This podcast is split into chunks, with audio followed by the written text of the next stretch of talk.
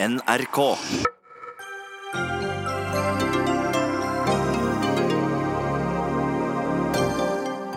Sylvi Listhaug har fått drømmejobben sin som olje- og energiminister i dag. Det blir ikke noe enklere å holde regjeringen samla etter dette, mener VG-kommentator. Terje Søviknes er også tilbake. Nå som eldre- og folkehelseminister skal han også starte med å love folk å røyke, drikke og spise rødt kjøtt. Det er en historisk dag i USA. Representantenes hus vil trolig stille presidenten for riksrett. Men Donald Trump sjøl har reist på valgrally i Michigan. Han har jo ikke gjort noe galt, som han sier på Twitter. Og vi skal høre at etter mye bråk har styret i Helse Nord akkurat vedtatt at det skal bli to sykehus på Helgeland. Den løsningen har ingen av kommunene i Midt-Helgeland gått inn for.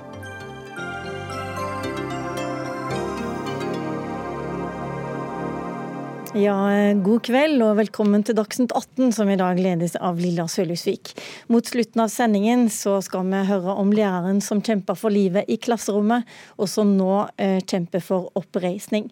Men vi starter med regjeringens endringer i dag. Og ut av regjeringen der gikk olje- og energiminister Kjell Børge Freiberg, og inn kom du, Sylvi Listhaug. Gratulerer. Tusen hjertelig takk for det. Og inn eh, som ny eldre- og folkehelseminister kom du, Terje Søviknes. Gratulerer til deg også. Tusen takk. La oss eh, begynne med deg, Sylvi Listhaug. Vittige tunger har jo allerede vært ute og berømma Fremskrittspartiet for eh, gjenbruk og resirkulering av gamle statsråder her i dag. Men flere er bekymra for klimaet også, med deg i den stolen. Kanskje vi bare legge det nå rett ut på bordet her. Hvordan er det med de eh, klimaendringene? Er de menneskeskapte? Ja, det er det absolutt, eh, iallfall delvis. Og at vi må ta det på alvor, er det ingen tvil om. Og Derfor så er det jo så viktig med norsk olje- og gassnæring. Fordi at vi har en sektor der som eh, driver teknologien framover. Som sørger for at utslippene går ned og som er viktig for resten av verden. Så er det jo en del som etter hvert tar til orde for å legge ned næringa. Det som da vil skje, er jo at produksjonen flytter til land som har høyere utslipp. Det vil bli mindre penger til Norge. Det er jo ingen tvil om at oljenæringa er hovedgrunnen til at vi er et av verdens rikeste land. At vi har en fantastisk velferdsmodell. Og det sysselsetter altså ca. 170 000 personer indirekte og direkte, som bor rundt omkring i landet. Og Det fantastiske med denne næringa er at du kan bygge og bo over hele landet ut i de ytterste kroker. Pendle på jobb og ta det av familien når du er hjemme. Så Denne næringa her betyr enormt mye for Distrikts-Norge. Det er ikke bevist at menneskelige CO2-utslipp fører til klimaendringer. Det er først og fremst en unnskyldning for å innføre mer skatter og avgifter, sa Sylvi Listhaug i 2011. Og det har du fått høre om veldig mange ganger. Er du ferdig? Du syns ikke det lenger? Altså Dette er opp igjen og opp igjen og opp igjen. Og jeg har sagt veldig mange ganger i dag at jeg tror at det er menneskeskapte klimaendringer, og at vi må jobbe med det. Men jeg er jo for så vidt enig i at en del parti bruker dette her for å prøve å styre og, og, og innføre skatter og avgifter osv. som vi har sett MDG Hva var det som villeda deg tidligere, da, siden du trodde det samme som egentlig ganske mange velgere av Frp? Nei, jeg tenker at Det var i 2011, nå er det 2019. og Det viktigste nå det er å sørge for at stoltheten i oljenæringa gjenreises. At alle de 170 000 som er med på å skaffe enorme inntekter til AS Norge, at de, at de rett og slett er stolt og glad over den innsatsen som gjøres. Og det er klart sånn som Norsk gass f.eks. Vi eksporterer mye til Europa som bidrar til at de bytter ut kull med gass, og som bidrar til at klimagassutslippene går ned. Og så mener jeg det er viktig i denne diskusjonen å si at Norge står for 0,11% av utslippene. Vi vet at for å lykkes med dette her, så er vi avhengig av at de virkelig store landene gjør noe med utslippene sine. Og da er det jo viktig at Norge er en motor for teknologiutvikling og sørger for en grønnere verden. Ja, skal Norge være en motor i teknologiutvikling også når det gjelder havvind f.eks.? Ja, men det er vi jo allerede. Equinor er jo ett av de selskapene som er helt i front. Det er en av de tingene du gikk ut i valgkampen og sa at eh, du ikke var noe sterk tilhenger av? Ja, De har nå fått 2,3 eh, milliard kroner i støtte fra Enova til å bygge ut et prosjekt eh, i Norge. De er jo også både i USA, de er i Skottland, Storbritannia. Så de er jo blant de verdensledende. Så nå er du tilhenger av dette? Jeg mener at Equinor skal være med på, Norge skal være med på å utvikle ny teknologi. Mm. Det er ikke alle land i verden som har de fantastiske naturressursene som Norge har, både med vannkraft og uh, olje- og gassforekomster. Det, mange deler av verden trenger også å bygge ut eh, fornybar energi, nye løsninger. Og der kan vi med vår fantastiske uh, næringer innenfor dette her være med på å utvikle teknologi i verdensklasse som vi kan eksportere. Hva med vindmøller? Det kom også på ditt bord. Det har du kalt noe svineri og en forsøpling av norsk natur. Ja, jeg var jo i Tyskland og kjørte i sommer. Der var det veldig mange vindturbiner. Og jeg syns at det ikke var spesielt eh, flott å se på. Eh, og jeg mener at Norge er et av de vakreste landene i hele verden, og at vi må ta vare på norsk natur. Og Det er jo en av grunnene til at regjeringa nå Så du står fast ved at det er noe svineri? Jeg mener at det viktigste er at vi sørger for at den utbygginga er det en plan over. Og det er jo, det er jo veldig bra at regjeringa nå faktisk stanser behandlinga av konsesjonssøknader. Nettopp for å gå gjennom dette regelverket, se om man skal gjøre noen endringer. Eh, sånn at vi får til eh, gode løsninger. Men endringer eh, i, i form av at det blir vindkraft, det kan man kanskje ikke regne med med deg på den plassen? Jo, altså det, det er jo dette konsesjonssystemet man skal gå gjennom. Jeg mener et viktig prinsipp er å ta vare på norsk natur. Og så er det sånn at vi må se på hvordan vi da skal legge til rette for denne type utbygginger framover. Det er jo mange kommuner som norsk... fått som ønsker det. Hva med å ta vare på norsk natur i Lofoten og Vesterålen f.eks.? Ja, altså denne regjeringen... Er det like viktig? Denne regjeringa har jo da i Granavolden-plattformen at man ikke skal eh, gå inn på de olje- og gassforekomstene som eventuelt er der. Men det er ikke det Men, du har eh, sagt? Nei, altså Fremskrittspartiet er jo helt tydelige på at vi ønsker det, men i denne regjeringa har ikke vi fått gjennomslag for det. og Da er det jo min oppgave som olje- og energiminister å følge opp det som står i Granavolden. Eh, og være tydelig på at vi ønsker en utvikling av denne næringa. Vi ønsker å bidra til at vi får eh, bygge ut videre og, og satse, sånn at vi kan være med på den teknologiutviklinga som er nødvendig for å gjøre verden grønnere. En annen ting som kommer opp i denne regjeringen, og som eh, dere og Venstre ikke har vært enige om, det er hvor iskanten skal ligge. Det kommer i form av en eh, forvaltningsplan. Hva, hva sier Sylvi Listhaug som olje- og energiminister, hvor skal den iskanten ligge? Det er et spørsmål som vi skal komme tilbake til. og Det er jo en sak som er under eh, utarbeidelse i regjeringa. Flytende har du sagt tidligere. Mm. Vil du stå for det du sjøl har sagt, at den skal følge naturlige iskanten. Den skal ikke settes, eh, settes, fast. Altså, vi kommer til å ta den diskusjonen i regjering, men det er jo ingen tvil om at for Fremskrittspartiet sin del i denne regjeringa, så er vi opptatt av eh, at olje- og gassnæringa skal utvikles videre. At vi skal ta i bruk eh, ressurser for å nettopp sørge for at vi kan beholde det fantastiske velferdssamfunnet som vi bygde opp. Den fantastisk viktige næringa for Norge. At vi kan fortsette å ha titusenvis av ansatte som er, i næringa eller tilkobla næringa over hele landet, og som også bidrar til å opprettholde bosettinga i hele Norge. For det er jo noe av det viktige at vi skal mm. ha lys i huset overalt, og da er denne næringa her kjempeviktig for det. Forstår jeg det riktig da at du er en av de olje- og energiministrene som vil si at uh, den uh, norske oljen uh, den skal tas ut til siste dråpe? Altså, jeg kommer til å være en tydelig statsråd på at jeg ønsker å legge til rette for at olje- og gassnæringa skal få utvikle seg videre. Og så kommer jeg også til å løfte fram fornybarnæringa. Vann, vannkraftbransjen, som også er kjempestor i Norge, og som vi ofte snakker veldig lite om. Eh, men det er altså en kjempeviktig sektor over hele landet. Hva vil du gjøre med vannkraften da? Nei, vi, vi, ønsker jo å utvikle den også videre. Eh, der er jo muligheter også her. Men det er klart, der er det jo en avveining eh, i forhold til at vi skal ta vare på det vakre landet vårt. En ting du kan f.eks. gjøre, det er å si ja til NorthConnect, som er en kraftledning til Storbritannia. Ja, Det er et, en sak som vi også skal ta stilling til. Det vil jeg komme tilbake til. Men det er klart der er det jo også avveininger som hele tida må gjøres. Kan jeg bare minne deg på at da har du en parlamentarisk leder i Frp som sier at den skal på ingen måte bygges, og så har du en regjering som ville ha sagt at som har vært mer positiv. Ja, Nå er ikke den behandla i regjering, men jeg har jo registrert at vår parlamentariske leder er veldig tydelig på at vi ønsker ikke å sende noe økt strømregning til norske strømkunder. Eh, så det har jeg merka meg, men så skal vi behandle denne saka her i regjering. Hva du merker deg, det, det skal vi alle merke oss. Eh, men jeg lurer på, ved siden av deg så sitter en eh, tidligere olje- og energiminister. Terje Søviknes, har du noe godt råd til Sylvi Listhaug? Jeg tenker Det aller viktigste er at hun bruker tid ute i denne næringa. Og da snakker jeg om energinæringa som helhet, både olje- og gassfeltet og fornybarnæringa. Eh, vi har eh, en fantastisk kompetansebase som er kanskje den aller største verdien eh, vi har bygd opp gjennom generasjoner. Først på fornybar, og etter hvert de siste 50 årene på olje og gass. Og Den kompetansebasen der den er det vi egentlig snakker om når vi diskuterer olje- og gassnæringas eh, framtid.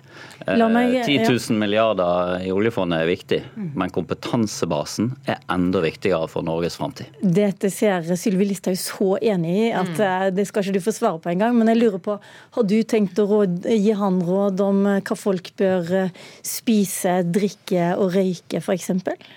Nei, vet du, nå skal han få lov til å si hva han mener om det. Men jeg, jeg tenker at det, politikere skal ikke være noe moralpoliti, og det tror jeg de fleste er enige om. Og så kan vi gi gode råd, men jeg tenker at han Terje er fullt ut i stand til å gi gode råd til folk sjøl. Hva sier du Terje Søviknes, som eldre- og folkehelseminister, så er det ganske mange som forventer at du skal være moralpoliti? Nei, jeg skal ikke være moralpoliti. Det skal heller ikke regjeringa være. Men eh, myndighetene og selvfølgelig eldre- og folkehelseministeren har et ansvar for å formidle informasjon, gi kunnskap, sånn at vi som selvstendige individ kan ta egne gode valg overfor egen helse, overfor de nærmeste man er glad i. Eh, men vi skal ikke moralisere, vi skal ikke drive med formynderi. Vil du eh, frarå folk da å drikke alkohol, f.eks. i Jeg tenker det er viktig å være måteholden med alkohol eh, som er alt annet. Og så får man sjøl vurdere hvor mye man vil både drikke og spise av ulike varer. Jeg tenker at vi skal gi kunnskap. Og det er klart, bruk av alkohol kan ha skadevirkninger hvis man bruker for mye over lang tid. Eh, og Det vet de aller fleste, men vi kan være enda flinkere til å formidle kunnskap. Hva med røyk, da? Ja, Tilsvarende der òg. Eh, vi vet skadevirkninger av eh, nikotin og røyk. Vil du bli mer klar på at det kanskje ikke er så lurt enn Sylvi Listhaug har vært? Jeg vil være ærlig, jeg røyker sjøl og har sagt i dag at kanskje en start på det hele kan være nå å få en røykestopp hos den nye eldre- og folkehelseministeren. og får vi se om vi kan få med oss flere på det. Men det må være opp til den enkelte. Det er snart nyttår. Frie valg. Dette handler om ansvar for seg sjøl og sine nærmeste. Det skal den enkelte ta. Vi tror på enkeltindividet, eh, både i regjeringa og i Fremskrittspartiet. Og Da er myndighetenes jobb ikke å moralisere, men å gi kunnskap, sånn at man kan ta de smarte valgene. Jeg snakka litt om resirkulering av statsråder her tidligere. og det var jo sånn at Du gikk av for ikke så mm. veldig lenge siden som olje- og energiminister. Da sa du at du skulle hjem til familien din. Har du sett nok til de nå? Har sett mye til, spesielt denne høsten, eh, etter at eh, valget i Bjørnafjorden og Vestland ikke gikk helt som vi hadde håpet. Vi gjorde et godt valg, eh, men det ble ikke mulig å fortsette som ordfører i nye Bjørnafjorden kommune. Og Da har jeg måttet gått i tenkeboksen og diskutert dette selvfølgelig med ungene mine og med samboeren. og De var tydelige på at OK, vil du tilbake til Oslo, så går det helt fint. Det er sånn det er. Man må gjøre noen valg av og til. Og nå er vi blitt enige gjennom et familieråd om at OK, vi fikser dette. Nå fikk du dra til Oslo igjen. Kan du eh, fortelle meg hva er det viktigste Sylvi Listhaug legger igjen som eh, eldre- og folkehelseminister? Det er jo et engasjement for uh, de eldre og seniorene i samfunnet vårt. Uh, Nå tenkte jeg mer på hva er det du skal ta tak i og gå videre på? Nei, Jeg skal ta tak i noen av de store sakene som er allerede real, real, uh, lansert, og som skal nå gjennomføres. Og da vil jeg kan ta Leve hele livet-reformen som et eksempel, der man har lagt grunnlaget gjennom en stortingsmelding. Og så skal nå alle kommuner der ute som har ansvar for eldreomsorgen og hverdagen til de eldre, rulle dette ut i sine tiltaksplaner. Og følge opp dette, til liks med statlig finansiering av omsorgstjenestene, som har vært en viktig eh, sak for Fremskrittspartiet. Nå skal det forsøket gå fra fase 1 til fase 2 og bli utvida. Eh, og så vil det komme ytterligere tiltak på, på eldreomsorgsområdet. Jeg er ekstremt opptatt av at vi skal tenke på eldre som en ressurs. Eh, både i arbeidslivet og i frivillig sektor. Det må ikke bli sånn at med en gang man bikker 60, så er det eneste man tenker på pensjonering og, og hva man skal drive med etter arbeidslivet. men er fortsatt viktig, en viktig, viktig ressurs for dette samfunnet. Selv en markant dame som Sylvi Listhaug har hatt problemer med å markere seg, i hvert fall i mediene, som eldre- og folkehelseminister. Kommer du til å synes mer?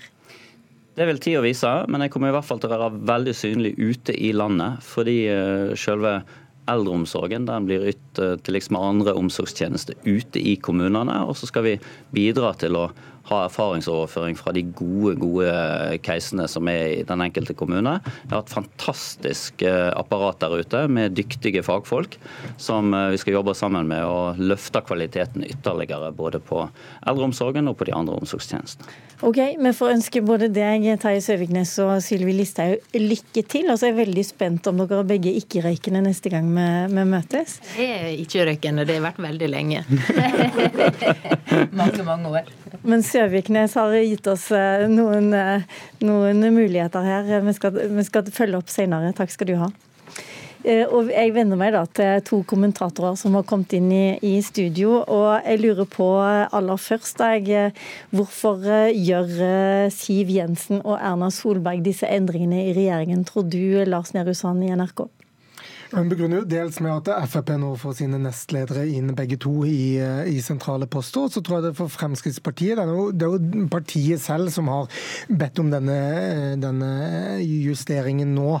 Eh, og det gjør de jo på et eh, tidspunkt eh, hvor vi står foran to viktige saker, spesielt på olje- og energifeltet. Både da denne skottlandskabelen NorthConnect som dere snakket om, og ikke minst debatten om iskanten. Nå får Frp en, en debatt debattsterk statsråd inn på, i, i, den posten, som kan gjøre en viktig jobb for partiet i en veldig viktig periode i den regjeringens liv. Og det har nok vært uh, vurdert som svært viktig for uh, Frp.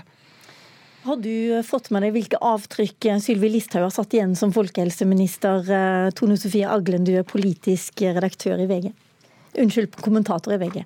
Ja, nei, hun har jo først og fremst eh, vært en uh, utspillspolitiker som har skapt litt debatt på en del utspill knytta til røyking, rødt kjøtt og litt sånn, og det er ikke noe tvil om at hun har eh, et stort engasjement for eh, eldreomsorg.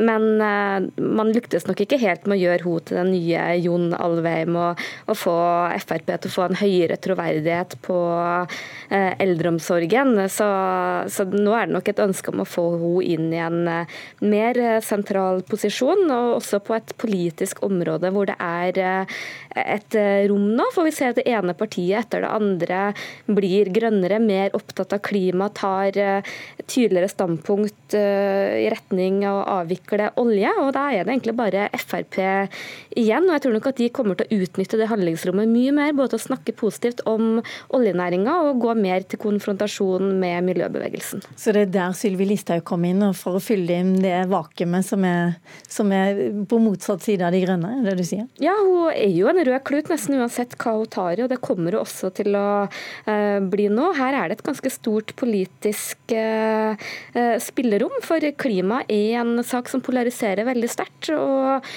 det, når det ikke er så veldig mange andre som tar den rollen, det er kanskje Senterpartiet som har vunnet en del velgere uh, det siste året, så tror jeg nok at det kan være en populær sak for Frp ute blant velgerne, men det blir nok mer utfordrende for regjeringa. Ja, akkurat det har jeg lyst til å høre litt mer om, Lars Nehru Sand. Hvordan blir det for ikke minst Venstre og KrF, som allerede sliter? og et Høyre også som, som kanskje har vist litt grønnere takter enn de har gjort før på flere områder også? Ja, Det er jo derfor Frp også har fått økt selvtillit på dette feltet. Fordi det er et ja, gom ledig i det politiske landskapet, som Aglen sier. Og, og, det er de nok bedre rustet til å utnytte med dette. Så er jo det interessante, spesielt for Venstre, da, blir det en mer polarisert debatt? Blir det eh, vanskeligere å få til kompromisser internt i regjeringen med en, eh, en sterk statsråd på dette feltet? Eller vil hun ha ryggdekning internt for å inngå kompromisser som det ville vært vanskelig for andre Frp-ere å kanskje kanskje bære. Jeg tror det ikke er noen ting som tyder på at Fremskrittspartiet, som nettopp vedtok en, en landsstyreresolusjon som gikk ganske eh, langt i å, å, låse partiets posisjoner i sp spesielt spørsmål om iskanten, eh, og, eh, og, og, og, liksom lese at Frp ønsker å nærme seg de andre partiene, snarere tvert imot. Eh, og Det er derfor også litt ulike saker, de to sakene vi har snakket om. fordi iskanten er, eh, er det kanskje lett for Frp å posisjonere posisjonere seg som oljenæringens siste beste venn i, i norsk offentlighet. Eh, mens det i spørsmålet om NorthConnect og, og potensielt dyre strøm, som går rett inn i lommeboka til veldig mange Frp-velgere og andre, eh, hvor en jo må kjempe mot Senterpartiet og, og, og sånn, så er det eh, en potensiell nedside for Listhaug eh, å ha den posten hun nå får. Hva med Erna Solberg, hvordan ble jobben for henne, Aglen? Nei, Jeg tror nok eh, det vil være mer eh, utfordrende, kanskje særlig alle disse retoriske kampene. For eh, Det som kjennetegner Sylvi Listhaug, er jo ikke først og fremst det hun gjør politisk, for der er hun jo ikke så ulik sine andre statsrådskolleger, men at hun er mye tøffere i stilen, mye mer konfronterende og provoserer veldig. Og Det er jo det Erna Solberg er lei av, alle disse kampene. Men så er det jo også litt spennende å se hva slags rolle Listhaug tar, for det kan jo også bli en bjørnetjeneste tjeneste for oljenæringa dersom hun er for polariserende i stilen. For vi husker jo veldig godt eh, da hun var landbruksminister eh, og var veldig krass mot eh, landbruksnæringa. Det er jo aldri før vi har sett en så sterk oppslutning rundt landbruket. Så det er nok mange i oljebransjen som håper at hun har en litt mer samlende, modererende stil. Eldre- og folkehelseministeren har vært litt vanskelig å få øye på, selv med Sylvi Listhaug i, i, stolen. Blir dette bedre nå, tror du, som med Terje Søviknes der, Lars Nehru Sand? Det kommer litt an på hvordan han eh, fyller den rollen, selvfølgelig. Som tidligere kommunepolitiker så har han jo inntil nylig jobba eh, tett med det utøvende leddet i, i denne eh, politiske eh, banen. Men han eh, rår jo over veldig få eh, maktmidler og lite penger nødvendigvis som, som statsråd. Mye, mye, av av hans suksess handler om hvordan kommunene løser disse oppgavene. han har et forsøksprosjekt med statlig finansiering av, av eldreomsorgen og denne Eh, ja, såkalte reformen, kan vi si, Leve hele livet, som ikke nødvendigvis heller er fylt med masse eh, konkret innhold. og Det er veldig mye også der som er opp til kommunene. Så det er en statsrådspost hvor kanskje porteføljen gjør det litt vanskelig for han eh, å være en, en statsråd som er veldig synlig og veldig aktiv i debatten. Bare helt kort til slutt. Eh, da, kom, da nyheten om regjeringsendringer kom i dag, så bare surra det over hele nyhetsavdelingen. Og alle, det kom mange spekulasjoner rundt omkring også i sosiale medier om hvem som skulle komme og gå. Kan vi regne med at det kommer flere endringer med det første i regjeringen? Ja, både, Verken Høyre eller Venstre har gjort noen endringer nå. Mange leser det inn i at de partiene har eh, viktige ledelsesdiskusjoner opp mot sine landsmøter til våren. Så at det skjer mer før sommeren, det jo, eh, kan man ikke utelukke. Erna Solberg sa jo også på pressekonferansen sin i går at hun er opptatt av å bruke 2020 til å eh, forme det laget som er en regjering, ikke bare i valgkampen 2021, men som har lyst til å være med ved en eventuelt seier inn mot 2025, og ikke statsråder som ser ut som naturlig å slutte i løpet av kalenderåret 2021. Tusen takk, Lars Nehru Sand og Tone Sofie Agle. Dagsnytt 18 alle hverdager klokka 18.00 på NRK P2 og NRK2.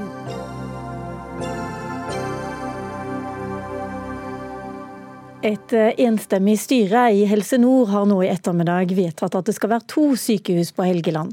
Ett i Mo i Rana og ett i Sandnessjøen.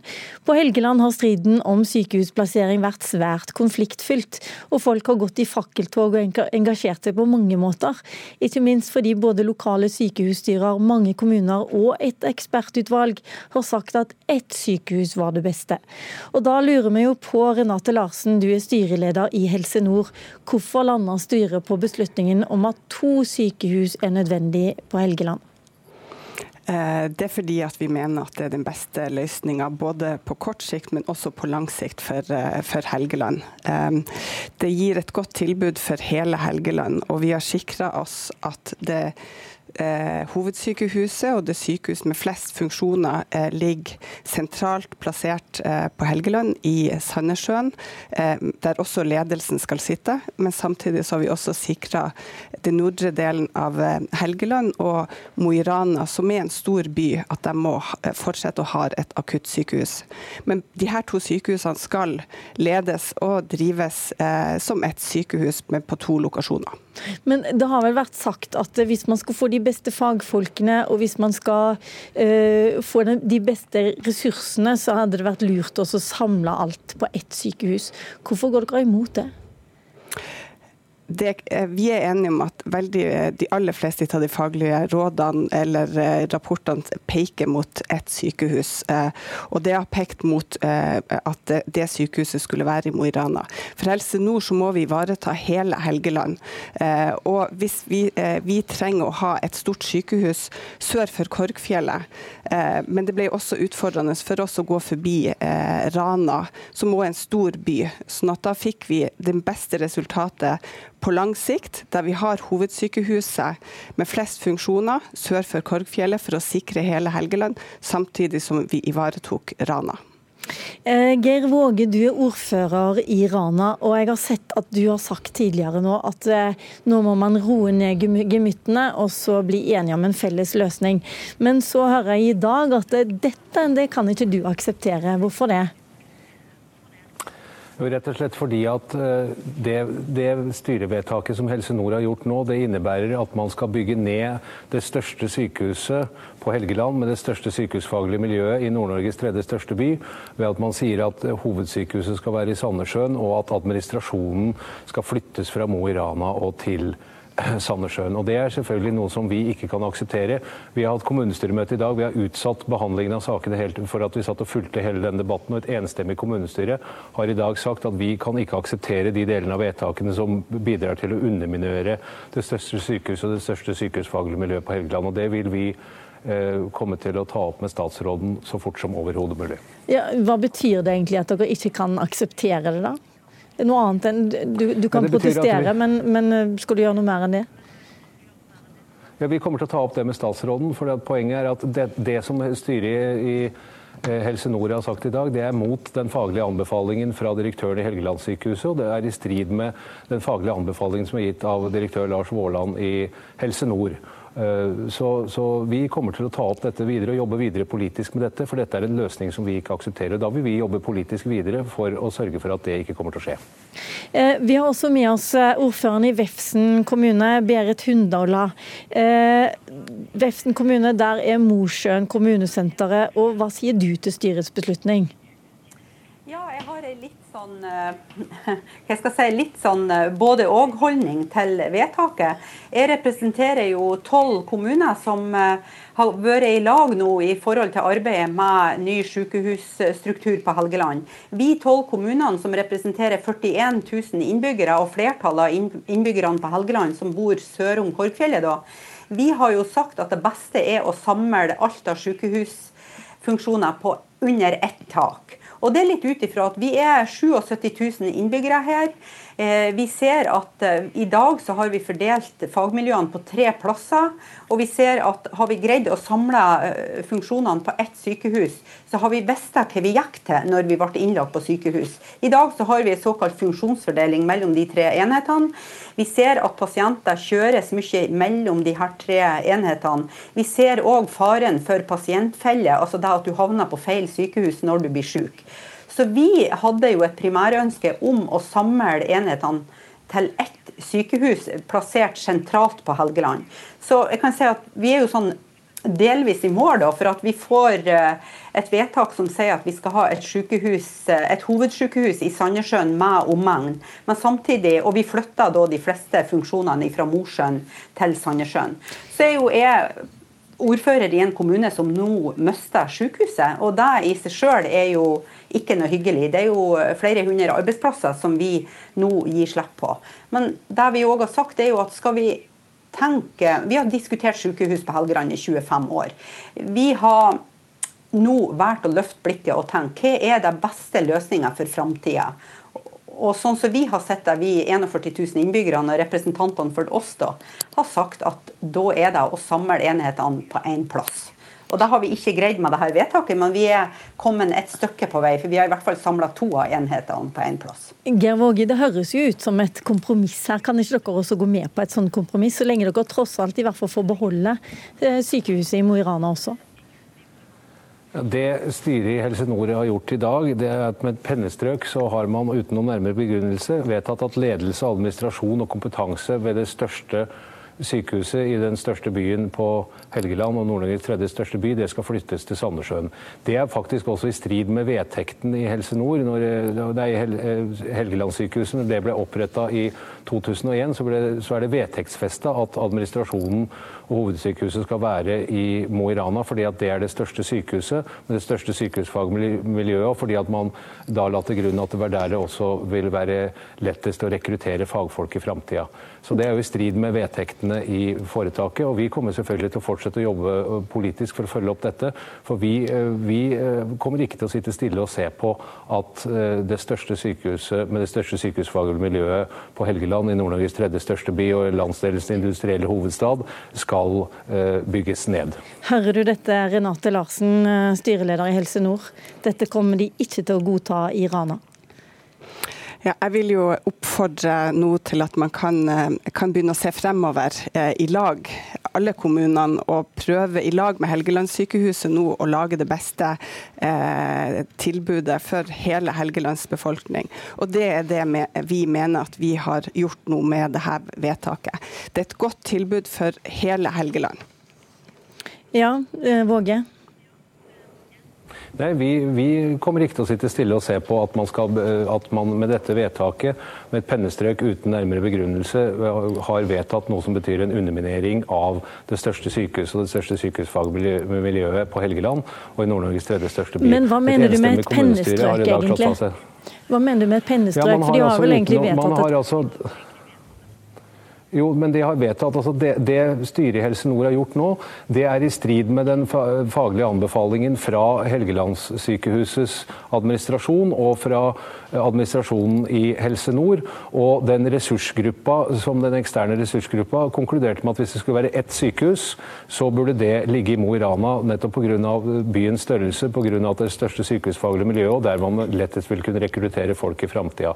Så klart, vi kommer ikke til å sitte og stille. Vi kommer til å følge opp dette politisk politisk. Det har vi jo fulle, fulle rett til, og det kommer vi til å gjøre. Det har du allerede sagt. Renate Larsen, eh, altså, som styreleder i Helse Nord så har du hatt mange saker på bordet, men du sier ingen har vært vanskeligere enn denne? Nei, det er klart, for det betyr så mye for, eh, for, så mange, eller for alle som bor på Helgeland, at vi lander det her på en god måte. sånn at det, det er vanskelig. Sånn at eh, Det har vært gjort utrolig godt forarbeid eh, til før vi sitter med denne beslutninga, og vi mener at det er den beste beslutninga for å ivareta hele Helgeland. Men et styremedlem i Helgeland sykehus har meldt seg ut i går i, i, protest. Og Det er jo litt komplisert dette her, fordi at det, det er flere instanser. Helgeland Helgelandssykehuset. Det er altså de tre sykehusene som allerede er der i dag. Eh, og det, de, har altså gått inn for ett sykehus, bare for å si det sånn. Ja, de gikk inn for ett sykehus i Sandnessjøen og omegn. Eh, og det har våre styre lytta til. Eh, så mener vi at Det beste løsninga er at vi peker på Sandnessjøen som hovedsykehus med flest funksjoner. Men så mener vi òg at vi trenger å ha et sykehus i, i Mo i Rana eh, og opprettholde det tilbudet for Nord-Helgeland på den måten. Så vi har, vi har lytta til styret i, i Helgelandssykehuset i forhold til eh, deres vedtak. Den som uansett skal avgjøre dette her nå, og som får det på sitt bord, det er helseminister Bent Høie. Tusen takk Renate Larsen, styreleder i Helse Nord, Geir Våge, ordføreren i Rana, og Berit Hundåla, ordfører i Vefsn kommune.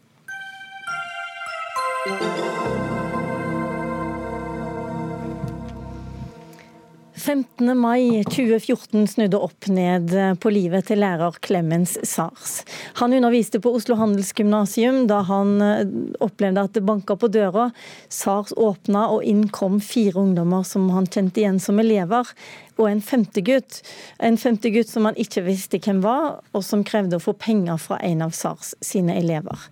Læreren prøvde å beskytte eleven, men ble angrepet. Angriperen la seg på en, en finger på hver side av strupehodet og vrei rundt. SARS gikk i bakken. Da kom en kvinnelig elev til eh, og hjalp eh, læreren og tvang overfallsmannen ut av klasserommet. Hun redda trolig livet på sin lærer. Og gutten fikk etterpå seks måneders fengsel. Men så tok Særs også saken til retten. Han krevde oppreisning.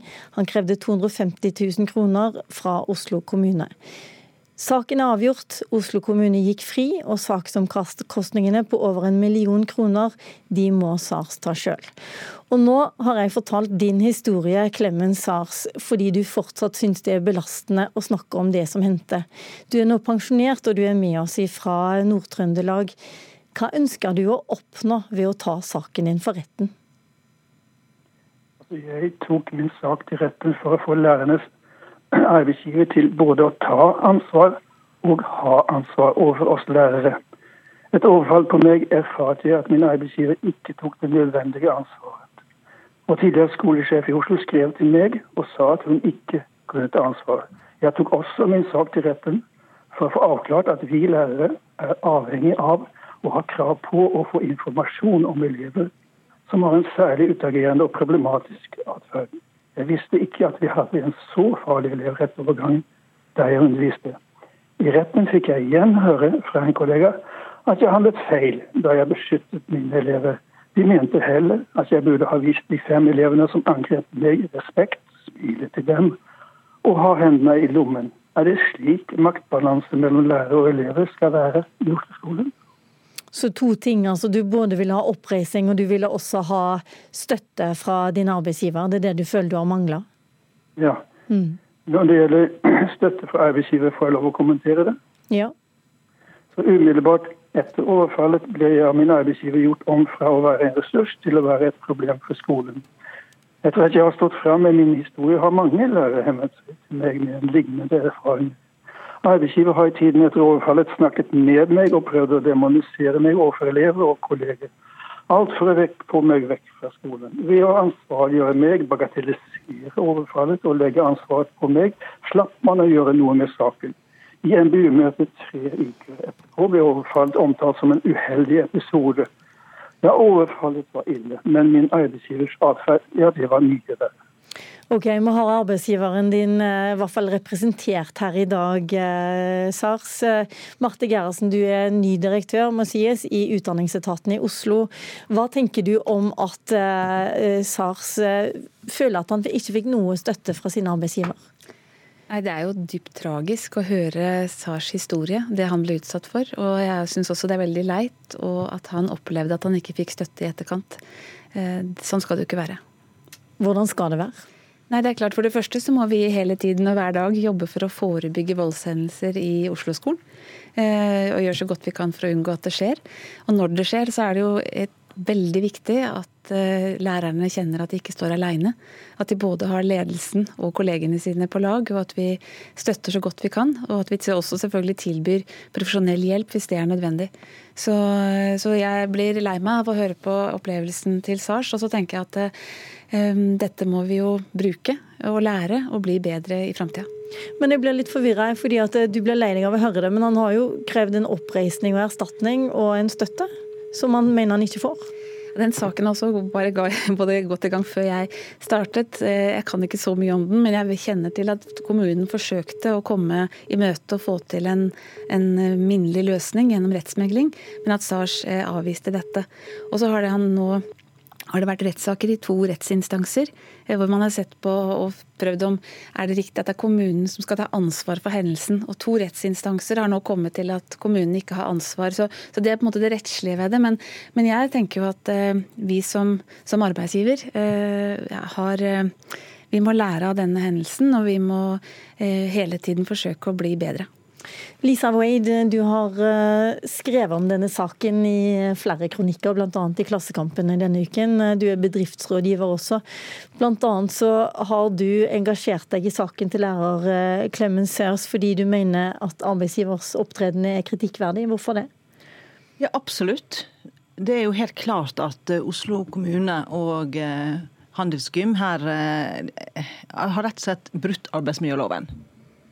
I arbeidsmiljøloven så er alle arbeidstakere i Norge de, de er sikret. Altså det, første, det første i arbeidsmiljøloven at de skal ha en sikker arbeidsdag.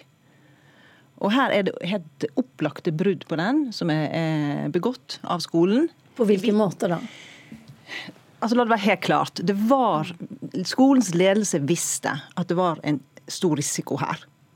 De visste at dette var en elev som var farlig et halvt år før eh, Clemens Sars ble angrepet, eh, angrep den samme eleven en medelev. Han tok kvelertak på han, og det måtte flere elever til for å få han vekk fra den eleven. Dette meldte skolen til politiet. De, og, de skrev, og de sa selv da at dette var en veldig alvorlig sak, og at eh, eleven var å regne som ytterst farlig for medelever, lærere og familien sin faktisk også. Og Likevel ble det ikke satt i gang tiltak. Og Dette er et brudd på arbeidsmiljøloven. Og når kommunen nå går fri for dette, og ledelsen går fri der, så betyr det at arbeidsmiljøloven ikke gjelder for lærere. Og at det offentlige går fri. Altså Hadde dette skjedd en privat virksomhet, så tror jeg aldri at dommen hadde blitt det samme. Burde Clemens Sars ha fått vite at det var en eh, elev som hadde problemer og voldsepisoder bak seg tidligere? Det kan jeg egentlig ikke uttale meg om. Det er jo en, en vanskelig vurdering som skolene våre gjør hver dag. Det er viktig å det er, eh, Dette er en utrolig trist hendelse. Ja, men hør nå her. Altså, Skolen visste de visste at denne eleven var så farlig. Skolen hadde selv sagt at han var så farlig. Bør ikke da Altså, denne eleven går rundt fritt som en tikkende bombe. Bør ikke da lærerne få vite dette her, sånn at de kan ta noen forholdsregler hvis han skulle prøve å bryte seg inn i deres klasserom? Jeg kan ikke uttale meg om akkurat den saken, men det jeg kan okay, si er at kan, alle men det, men det, jeg lurer på da, mm. det er sånn OK. Eh, hvis da en elev i Oslo-skolen har flere voldsepisoder bak seg, mm. alvorlige sådanne, mm. bør da alle lærerne på skolen vite om det? Det som er eh, viktig å gjøre, det er jo at alle skoler må gjøre en risikovurdering. Vi, en, eh, vi, har 90 000 elever og læringer. Eh, vi speiler byen. Vi har veldig mange elever med ulike erfaringer og som har seg eh, og som har ulike utfordringer. Og alle skoler skal gjøre en risikovurdering av er, hvordan skal vi best mulig skape et godt og trygt læringsmiljø på vår skole. Men her har du, ok, La oss tenke oss da, at du har en elev som har uh, tatt kvelertak på en uh, lærer på en tidligere skole, så kommer han til en ny skole. Hva vil du som da utdanningsdirektør tilrå den skolen? Skal alle, alle lærerne få vite om det, eller er det bare klassekontakten som skal få vite om det? Det tror jeg ikke jeg skal uttale meg om. Det viktige er at vi, vi fra utdanningsadministrasjonens side vi prøver å veilede så godt vi kan. Vi gir kursing til skolene på hvordan de skal forberede seg, de skal, hvilke forhåndsregler de skal ta. og Så må man finne ut i det enkelte tilfellet hva er klokt å gjøre her. Men er ikke det akkurat et sånt spørsmål en rektor kan komme til å stille deg? Hva vil du råde han henne om det da? Dette er et veldig vanskelig spørsmål. Hvem er det som har ansvaret for lærernes sikkerhet? For Det virker som ingen har ansvar for det. Vi har ansvaret for lærernes Dere har ansvar for sikkerhet. Selvfølgelig har vi ja. det. Og vi er, vi er, arbeidsgivere, og vi gjør så godt vi kan for å være en god arbeidsgiver.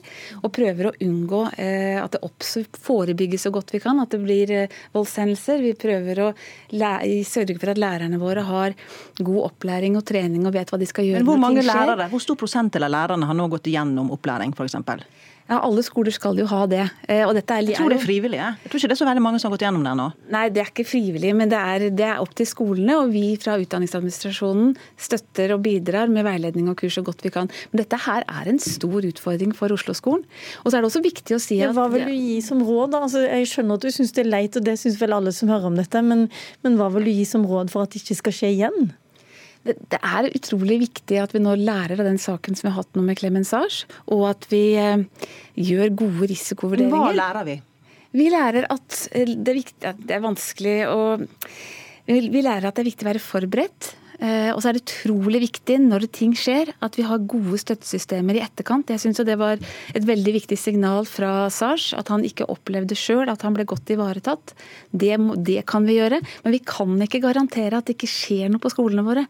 Eh, det er på en måte nesten umulig. Og så er det også viktig å si at alle, de aller fleste voldshendelsene på skolene våre, de utføres jo av de barn mellom 6 og 12 år. Det er veldig sjelden det skjer på videregående skole. Men det, øker, det, det øker, og de som er på videregående skole, de er jo store og kraftige, som denne eleven var. ikke sant? Mm. Altså Det som jeg synes er viktig å slå fast, er at forebyggende arbeid må satse mye mer på det. Mm -hmm. Gjøre mye mer og, og, ta disse risikovurderingene. Mm. Men når risikovurderingene det er jo ikke noe verdt hvis det ikke settes inn tiltak. Altså når vi har kartlagt, Nå er det en risiko. Mm. Det var helt klart at det var en farlig elev på handelsgym. Mm. Men det ble ikke satt inn nødvendige tiltak. Men kan jeg bare få spørre deg også, Lisa ja. Wade. Eh, er det sånn da at eh, en elev som har gjort noe galt, da skal alle lærere på alle kommende skoler vite om det? Det kan jo også være litt problematisk? Dette må lederne, ledelsen må vurdere hele tiden. Og de må ta ulike hensyn mot, opp mot hverandre. Men her ikke ikke det det, det samme her, som Marte Gerhardsen sier? Ja, men her var det en ytterst farlig elev. Altså, Skolen selv mente han var veldig farlig. Da burde du informere deg. sant? Sånn at Det er ledelsens jobb, og så må de eventuelt få støtte da, av Utdanningsetaten. Men de kan ikke ta den risikoen som de nå gjør, og utsette lærere for en så farlig hverdag som de nå har. Lærere over hele landet nå lurer på hvem er det egentlig som har ansvaret for oss når vi går på jobb. Og Det kan jeg svare på. Det er oss som arbeidsgiver er selvfølgelig ansvarlig for å legge til rette og gjøre så godt vi kan for å trygge arbeidshverdagen. Vi kan ikke garantere at ingenting vil skje, men vi må gjøre så godt vi kan med å forberede. Og så må vi være gode i etterkant. Og Det handler om å ha at eh, kollegiet, ledelsen, stiller opp, og at disse hendelsene diskuteres i lærerkollegiet i etterkant. Vi må få noe mer konkret. Også, det gjelder også de, de, som, eh, de, som, er de alle hendelsene det er, eh, det er flest av. Det som er disse som, som øker eh, mellom barna mellom 6 og 12 år, som utfører de fleste når Vi rapporterer jo alle hendelser i Oslo-skolen, og da er det den gruppa som, eh, som, står for de aller fleste. Og da er det klart at da handler det om Eh, og bli enda bedre på å, møte barn som strever. Eh, og så er det viktig å ta på alvor òg, for selv om du som lærer blir angrepet av en, eh, en sjuåring som slår deg, så er det faktisk ganske vanskelig og krevende å stå i. Du føler deg maktesløs som lærer. Jeg tror det er utrolig viktig at vi da også tar opp de sakene og diskuterer hvordan vi skal okay. møte Vi blir ikke drept av syvåringer. Ja. Mm. Vi må komme tilbake igjen til spørsmålet om de yngre elevene. I dag så var det videregående skole vi snakka om, og historien til Clemens Sars. Takk til Lisa Wade og til Marte Gerhardsen, utdanningsdirektør i Oslo. Hør Dagsnytt 18 når du vil. Radio NRK Radio.nrk.no.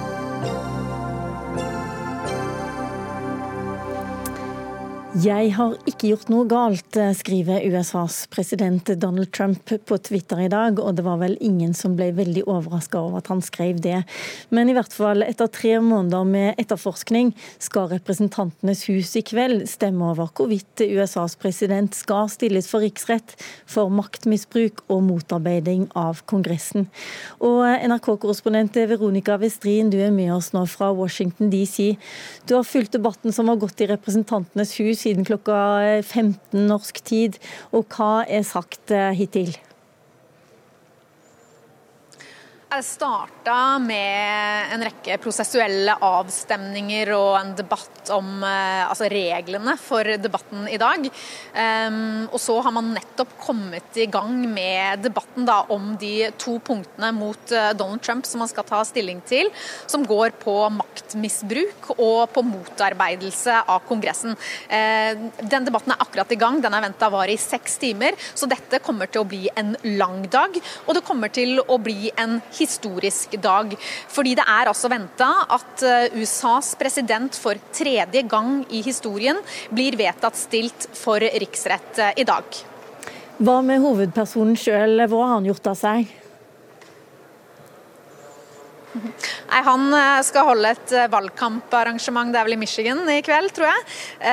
Og er ikke til stede her. Men han har jo vist seg ved å sende et brev da, til eh, Nancy Pelosi, toppdemokraten eh, her, eh, i går kveld. Et rasende brev der han angriper henne og demokratene for å gå til en åpen krig mot det amerikanske demokratiet.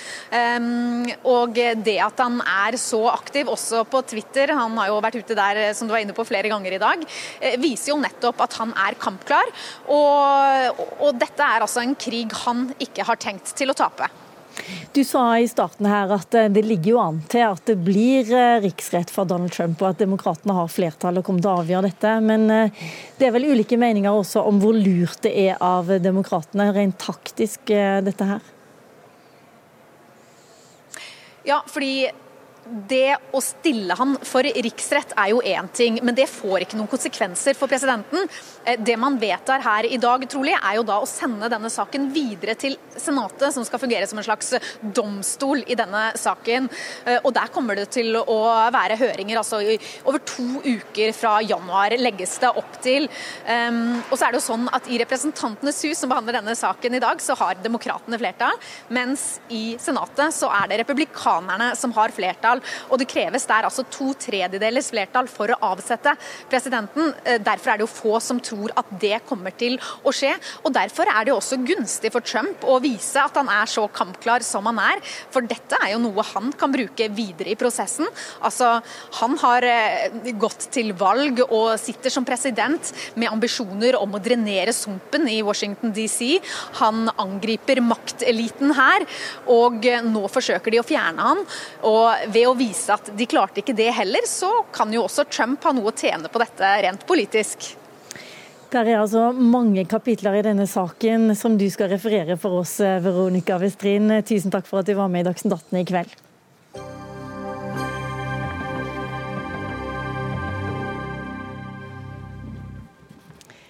Skal vi se I 13 000 mennesker har skrevet under på en underskriftskampanje mot økte ferjepriser i Møre og Romsdal, som følge av innføringen av autopass på norske ferjer. Men det er ikke bare passasjerene som fortviler, også mannskapene om bord er bekymra. De frykter for sikkerheten, fordi autopass innebærer færre ansatte om bord. Og Jonny Hansen, leder i Norsk Sjømannsforbund, hva er dere bekymra for? Ja, Det vi eh, ser og det vi har sett over lengre tid, det er jo det at eh, når du har fått nye tekniske løsninger, så har det medført redusert bemanning. Du har fått større ferger med flere passasjerer, men bemanninga blir til dels redusert, så det blir flere og flere passasjerer som skal betjenes av færre og færre mannskapsmedlemmer. Og, og nå eh, har vi en Safetec-rapport som viser Safe at Safetec har levert en rapport som vurderer risikoaspektet på innenriks fergefart, og hvor mannskapet sjøl sier at i en situasjon med behov for evakuering og eh, brannslukking, så er ikke det folk nok til å ivareta sikkerhetsfunksjoner som de er satt til å gjøre. Og Derfor så slår de nå alarm og, og sier til Sjøfartsdirektoratet at nå må de sette sikkerhetsbemanning som er reell i forhold til en situasjon der det er en uheldig hendelse oppstår. Kanskje du gir oss et bilde. Hvor mange mennesker eh, har vært der til nå på ei vanlig ferje, og hvor mange kommer det til å bli? Eh, Sjøfartsdirektoratet har jo fått en egen rapport som viser at uh, der mannskap fra fire til åtte skal betjene opptil 600 passasjerer. Og det er klart det i en situasjon... Og i dag, hvor mange er det i dag? Ja, Det er vel det som er i dag. Uh, fire til åtte? Ja, Fire til åtte manns besetning med ja. opptil 600 passasjerer. Og Hvor mange har vært før, da? for å si det sånn? Ja, det, det, har jo vært over tid nå. Det har ikke vært en så stor reduksjon. Men hvis vi nå får en ytterligere reduksjon og det, det Mannskapet har jo vært bekymra over lang, lang, tid for dette. og Nå slår de eh, ja, de slår skikkelig alarm. fordi at det, det er sikkert å reise med ferge. Det skjer sjelden Eh, uheldige hendelser. Men hvis det skjer, så sier kapteinene at de har ikke folk nok til å betjene passasjerene. og Da er det vår oppgave som eh, fagforening å, å si ifra. og Da må myndigheten komme på banen og, og, sette et strek på hvor lavt du kan komme i besetningsantall i forhold til passasjerantall. Hvordan kan dere godkjenne dette, Håvard Gåseidnes, du er fungerende avdelingsdirektør i Sjøfartsdirektoratet og med oss fra Haugesund? Ja, Sjøfartsdirektoratet vi fastsetter det som kalles sikkerhetsbemanning, og som er en minimum tillatt bemanninga som et fartøy har lov til å gå med. Eh, og denne Sikkerhetsbemanninga tar jo utgangspunkt i den, det antall passasjerer som fartøyet er designa for, og de forskjellige løsningene som de har, og de oppgavene som, som blir pålagt fartøyet. Eh, Dette gjør vi jo i henhold til et, et regelverk som, som, har funksjonskrav som må oppfylles av mannskapet om bord. Eh, en av de delene vi ikke har, en, som ligger på utsiden av det vi vurderer, det knytter seg til, til billettering. Det har vi ikke gjort tidligere, og det gjør vi heller ikke nå med, i forbindelse med innføring av autopass. Så dere vurderer sånn at, bare hvor mange Autopass har ikke påvirka vår saksbehandling, kan du si. Jeg skjønner. Dere vurderer bare hvor mye som er minimumsbemanningen eh, med hensyn til sikkerhet? Ja, det... da, det stemmer. Mm, jeg skjønner. Men eh, da er det jo greit, da vel, eh, Jonny Hansen i Sjømannsforbundet.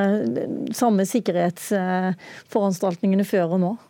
Uh, som jeg sa innledningsvis, kommer, I forbindelse med anbud så kommer det nye ferger. Større ferger, de har større kapasitet. Bemanninga følger ikke med. og Sikkerhetsoppgavene til mannskapet forandrer seg ikke med, med, med, at det blir mer effektive trafikkmaskiner. De skal ivareta sikkerheten til passasjerene, de skal drive vedlikehold, de skal etterse tekniske utstyr og alt det som har, er sikkerhetsrelatert, som sikkert Sjøfartsdirektoratet kan bekrefte. Det, det som er bekymringsfullt, det er det at de som har ansvar om bord, kapteinene, gir uttrykk for at i en situasjon med brann og behov for evakuering, så er det ikke folk nok om bord i båtene til å drive røykdykking, eh, evakuering og rettledning av passasjerer. og i verste tilfelle også bemanne en eh, mann over bordbåt hvis noen som uh, faller på sjøen. Og Dette kan vi ikke fortsette med. Si, normal drift går det fint, men når en krise oppstår, så er det ikke folk nok til å ivareta passasjerenes sikkerhet. Dette høres ikke ut til å være ferja jeg har lyst til å være med på.